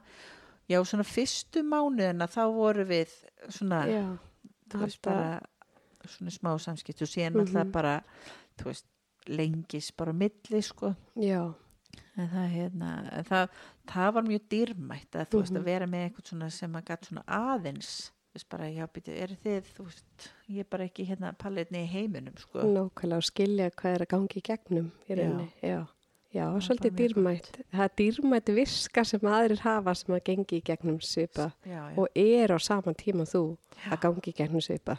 já, er það já, ekki? já. og þetta var Já. líka mitt krakkar af söpum aldrei og eitthvað svona. Já. Að þetta var, Þannig að það er svona aðeins búið að lengjast tímanum milli þið er ekki eins mikið nei, já, nei, nei, alls ekki, Nei. mitt er það hérna og maður finnur líka bara eftir þessum tímunum líður þetta verður þetta svona, þú veist, Já. allt auðveldara. Já, nákvæmlega. núna fer maður alveg í þvóttahúsi og skilur batni eftir upp í, þú veist, þetta er ekkert Inn í þvóttavelni. Nei, tjók. Hann, reyndi að kemst inn í þvóttavélina Oh búin að prófa það en það, það var tekið alveg, nei það má ekki gera þetta Svona fyrir við í bað, svona sætt. hvað, Inn í 90 tjók Oh my god. en svona Það er svo nettur. Oh my god, maður þarf að hafa húmor fyrir þessu. Ég náttúrulega er að reyna að vera eins og virðuleg og ég geti svona podcasti en svo er náttúrulega algjör svori þannig að ég er að reyna að vera skafa aðeins af sjálfur mér. En þannig að þú hendi barninu í vélina þegar fyrir að já. Bara að baða barnið 40 þegar, nei alveg. Það eru taldið þvóttavilar hérna að því að minn strákur eða okkar strákur, hann hérna elskaði að horfa á þvóttavil já, og hann bara horfði á þvóttavél kannski klukkutíma bara. Og satt og starði eins og þetta væri bara besta bíómynd í heimi. Ó, það er geggjað. Ég veit ekki. Ég var bara alveg já, það er náttúrulega svona einhverfi hegðun sem Já. að gerist svona í svona áfalla ástandi sko. Og mér finnst þetta bara svo ógíslan merkilegt. En var þinn eitthvað í, í þessu Nei, gýr? hann var rosalega mikið í svona fykta í tökkum gýr, meira svona að þú veist, kveikja þvott, uppþóttvelinni eða þvóttavelinni eða, Mm en hann elskar sko, hann er rosalega hjálpsamur. Já, alveg rosalega hjálpsamur. Stundum er það gott og ég vona að við náum að halda því í sko. Og þá kemur á móti að ég er ekki mjög þólumóð og ég er miklu fljóta að gera hlutina sjálf Mhm. og ég þarf alveg bara svona svona tjúna mig niður, þú veist bara ok, núna ætla ég bara að leifa honum með vask upp. Já, honum finnst rosalega gaman að vaska upp og getur bara dunda sér við það mjög lengi og er mitt að baka og elda og riks og allt þetta. Hún finnst þetta mjög vá það er gaman. En við gerum bara rosalega lítið af þessu en Já. hún finnst þetta rosalega gaman. Og ég bara einmitt og það, ég fann það líka þetta með að þurfa svona aðeins að tjúna sér niður einmitt í svona Mhm. vinnu og svona að hafa bara orkuna að leifa þetta. Að þú veist vera bara til staðar og leifa hann bara að sulla og þú veist. Mm -hmm. Vera með þúlimæðina þannig að þráður sé ekki ósla stuttur maður verið pyrraður, það bara njóta þessar stunda. Já leifa bara einmitt þú veist. Bara einmitt að hjálpa að þú- setja þvóttavélina og eitthvað svona. Þau þroskast víst, þau segja það að þetta sé við gott fyrir þau.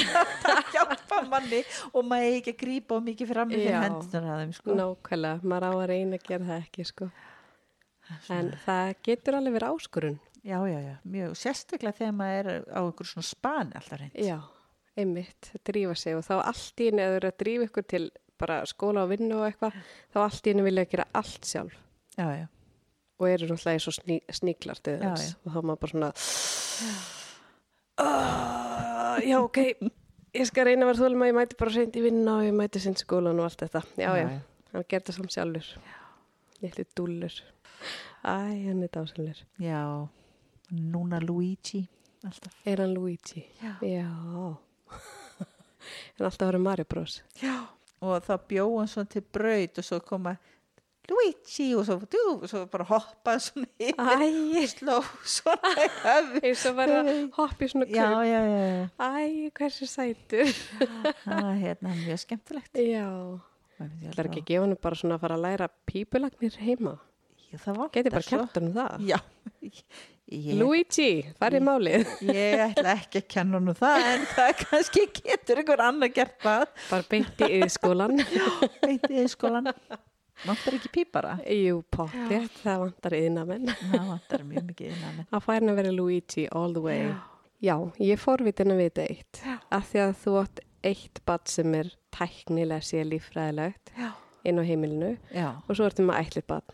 já Finnst þér verið eitthvað munur þar á?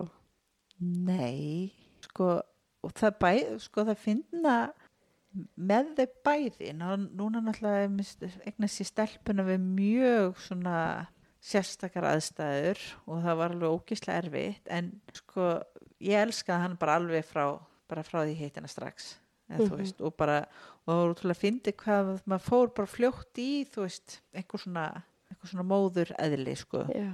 og það sama einmitt með hann og bara þú veist, mann finnst maður einhvern veginn hafa bara áttau alltaf einhvern veginn og, og ef það er hægt að elska það sem að fæðir sjálfur meira þá er það náttúrulega bara eitthvað galin tilfinning sko Já. þannig að hérna, nei þau bara þau eru að verða alltaf bönni mín bara einhvern veginn Það er sama svona- ástartilfinningin.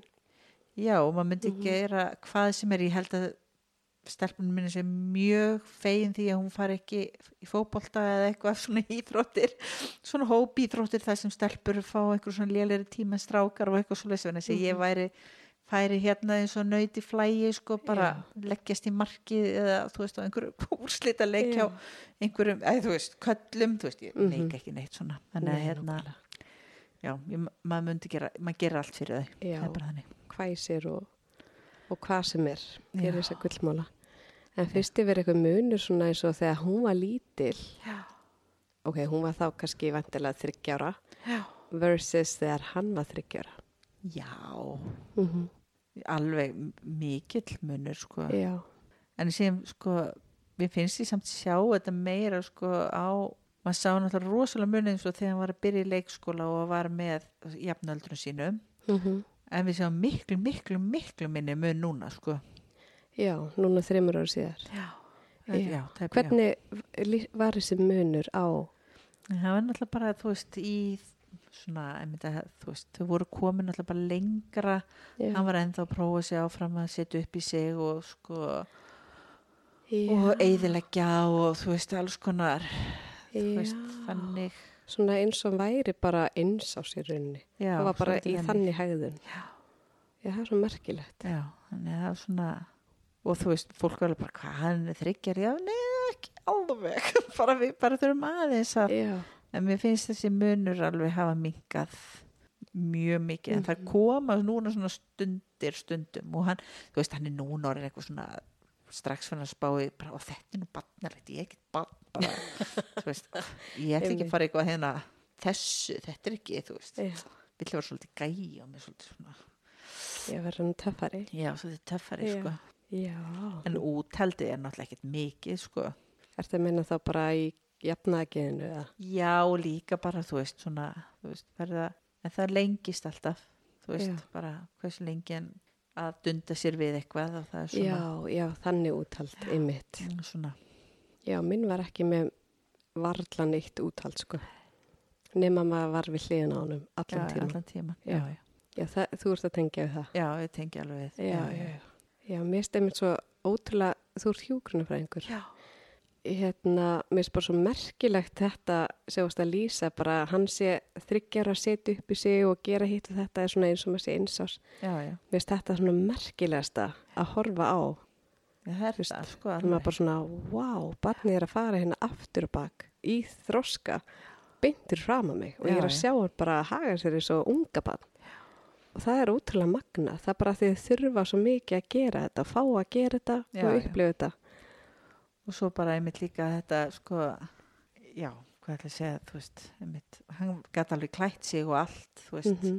þegar við fengum hann og Já. bara, og svo, jú, hann ger, getur þetta alveg, en hann vill, Já, vill þjónustuna. hann vill þjónustuna, Mhm. sko, Já, já, já, og hann getur þetta og getur þetta gert þetta sem mjög hratt, sko, já, en þú veist, það er bara vill ennþá. Einmitt. Og maður leifi, þú veist, maður leifi það bara oft Já, já, ég, sem maður veit hann kann hitt maður veit að hann kann hitt það er nefnilega móli, maður var í einhverju þrjósku keppni einhver tíman, svo bara svona þú veist, hann þarf bara á þessu að halda núna.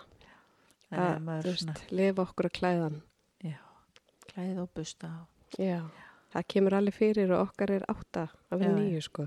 Þannig að það var einhver einn sem spurði mitt á hann að mömmu síðinni, þú veist, hvena börni væri fann að sofa ein inn í herbergi já, og ég held að við erum allar sem að söri bara eitthvað Já, minni hann ennþá upp í eða ég þarf að svæfa hann á hverju kvöldi og tekur svona marga tíma, já, þú veist, og allir orðnir, þú veist, 35 ára.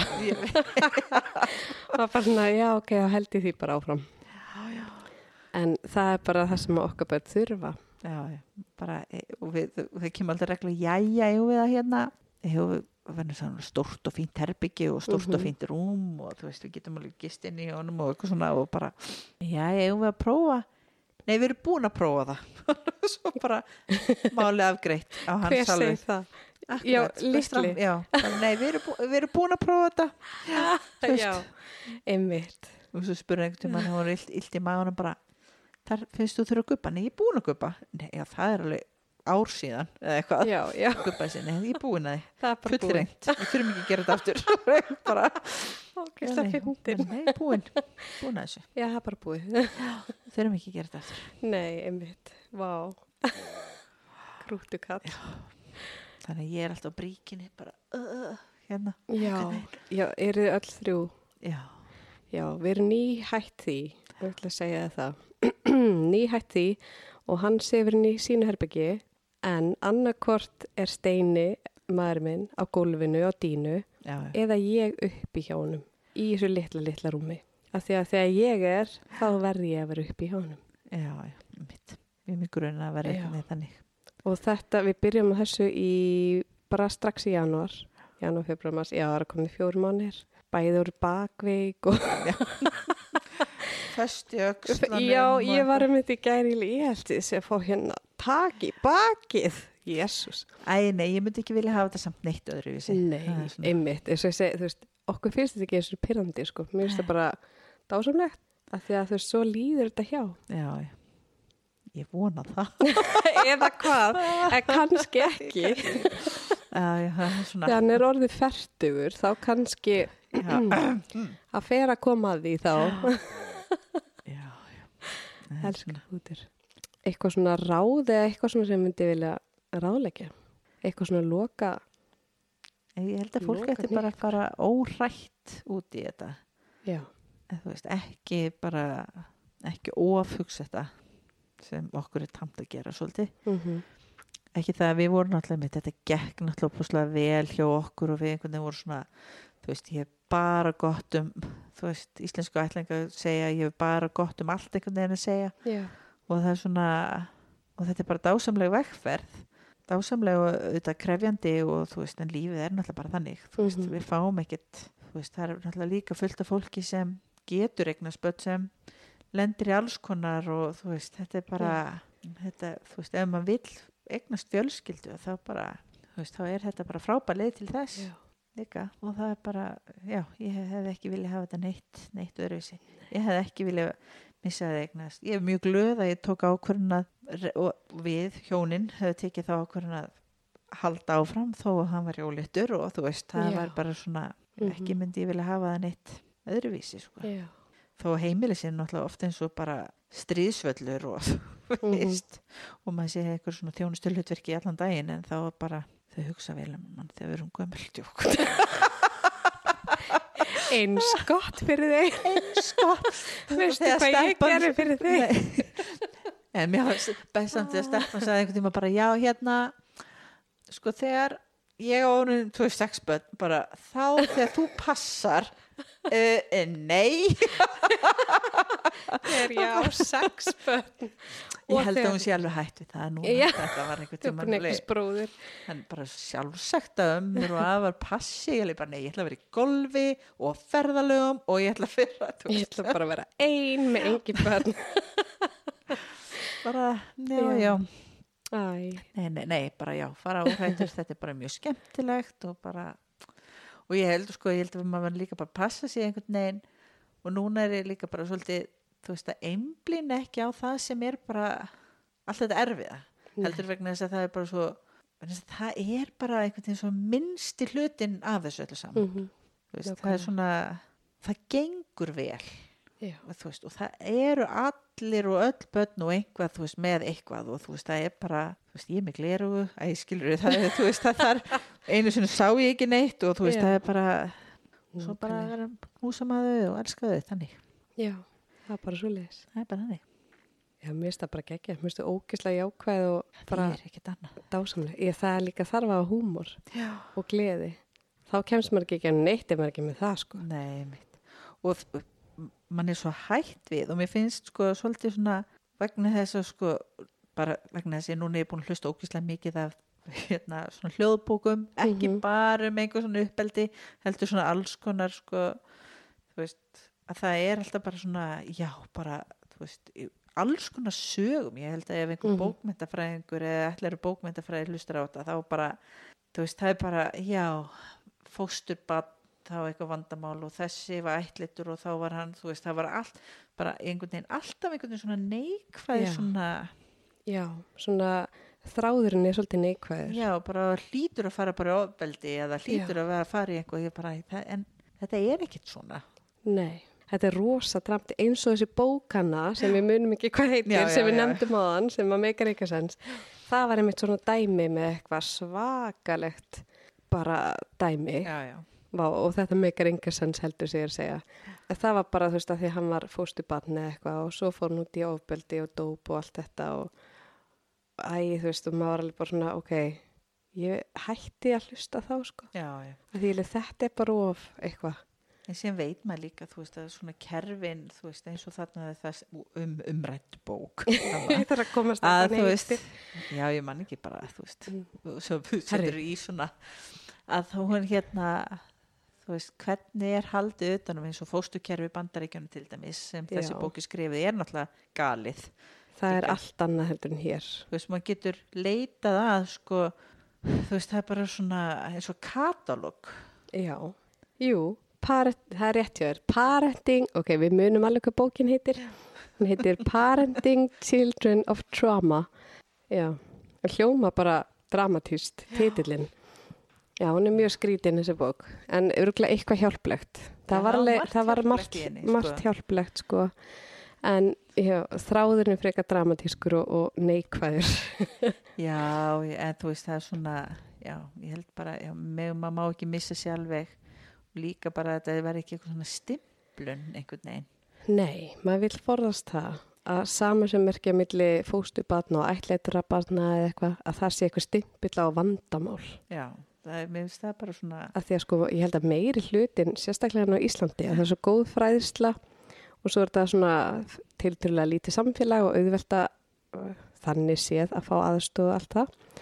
Og þá held ég að sé sko lang, lang, lang mesti hlutin af þessum börnum sem að vaksa svo upp eru bara í fullkomni lægi og lifa góðu lífi og eru bara hamingu sem á heilbrið. Er það ekki? Jú, ég, ég vona það. Ég, vona sé, Ég hef ekki heilt annað. maður heldur ekki dá, en þú veist, maður verður einhvern veginn bara svona, en þú veist, bara, einmitt, bara einblinn og já, ég held, ég held það Já. líka, heyrim, þetta er bara svona eins og með flest, svo heyrir maður eitthvað svona frávik sem er úslega dramatíst og erfitt og þá man maður það. Já. Maður man alltaf þetta neikvæða já, já. sko. Við erum að reyna að breyta því. Við erum að reyna að breyta því, algjörlega. Fullkomni börnin okkar. Og fullkomið fóreldrarnir. Herru, við gerum bók sem heitir Fullkomni fóreldrarnir, hóta og Múta, eh, múta. Þetta er spókin, já, mjög góð. Ég myndi allavega að kaupa hana af sjálfum mér ef ég myndi gefa hann út. En hérna, að ætliða barnið þitt, var þetta eins og bjóstu? Mm, Nei, veit það ekki. Þetta gerðist allt svo hratt. Ég var einhvern veginn, já, nei og já. Þú veist, elskaði mig jafn mikið og ég held. En ég held þetta væri ekki kannski alltaf svona, alltaf svona mikil vinna. Já, ég held að vera Ég meira er frí. bara ekki búin að ofhugsa þetta áður, sko. Bara við lang, okkur langaði til að stekka fjölskylduna já. og hérna, já. Náttúrulega svak, svakaleg sundlega að fara í bara þess að djúpi lög að ætliða barn allt í hennu. Já, og bara vera fóreldri. Mhm. Það er bara, Já, það er svakalegt, já, sem er geggjað, en svakalegt. bara skemmtilegt. Er það ekki? Jú, Já.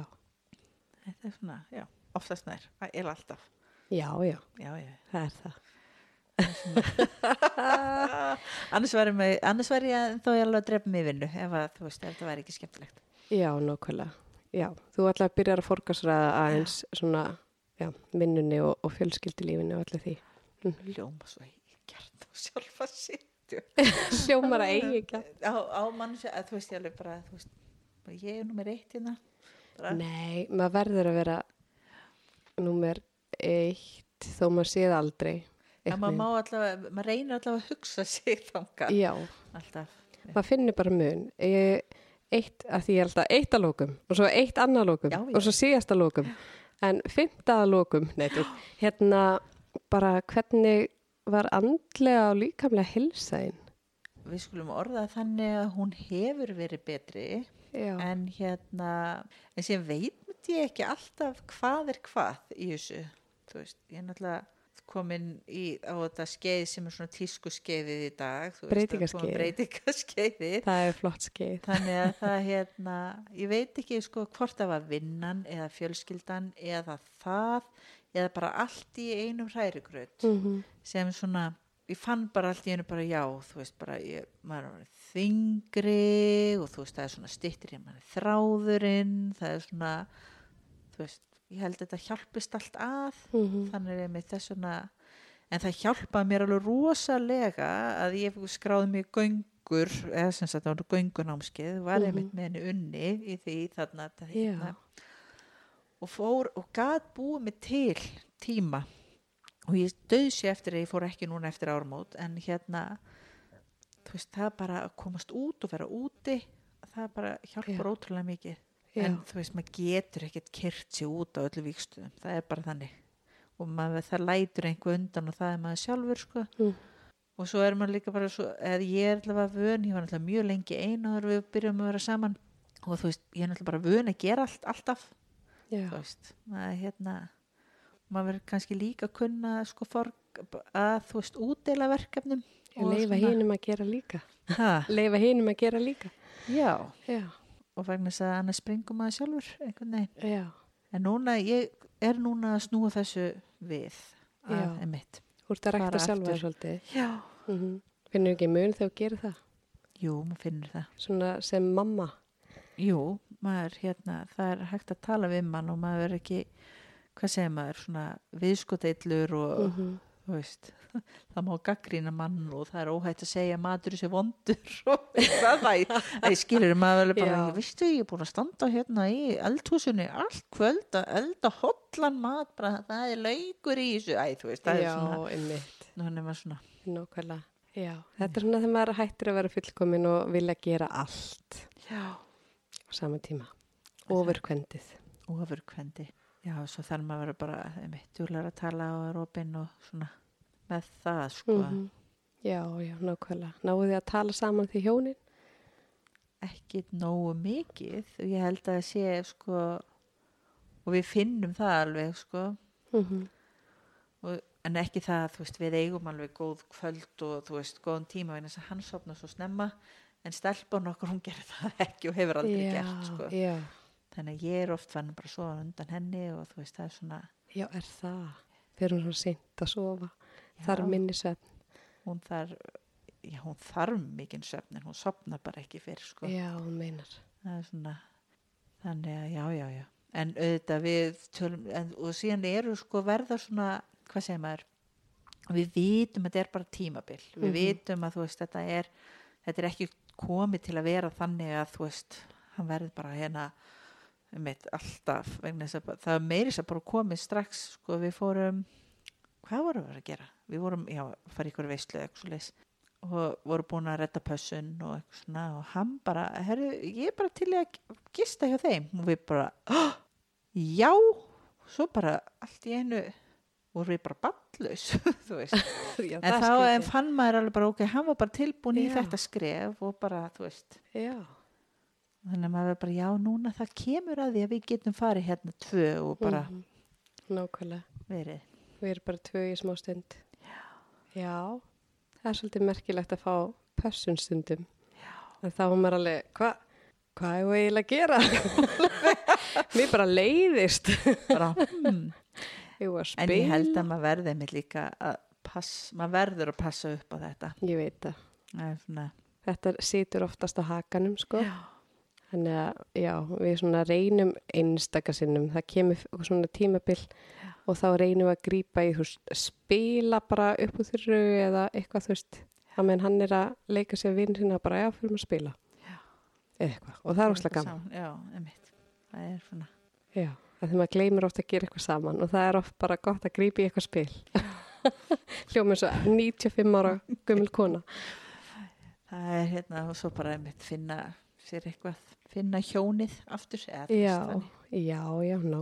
en síðan skils mér að þetta sé alls þar í öllum, þú veist Öllum vikstöðum, sko. öllum víkstum Það er bara svoleiðis. meðan á, meðan á svona skeiði Mhm. stendur eða Já, þannig. já, nákvæmlega. en jú, ég held annars bara ég verð komin upp á Everest næst þú tala við mig Já, ég held það.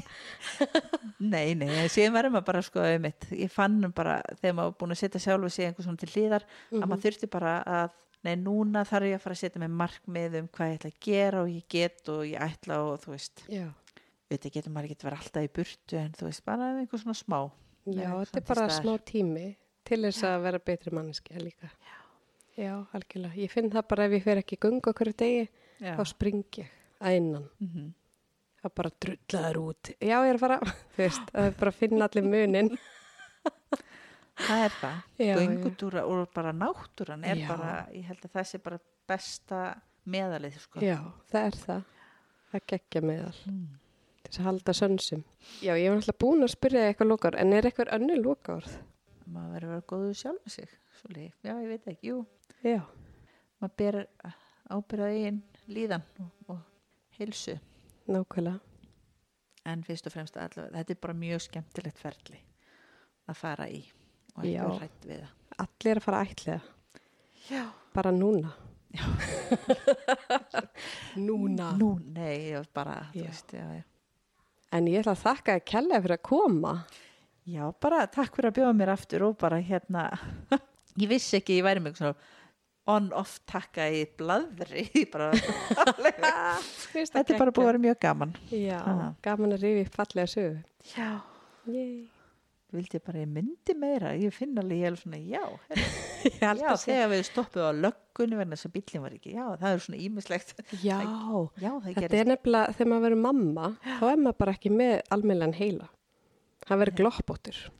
Já, það kallast við álag Kallast álæga og heila þoka. Já, nákvæmlega. og hvað þá er maður að byrja á breytingskeiðinu Já, það er alveg Jesús, tvöfalt, það er allt í bland Dásamlegt.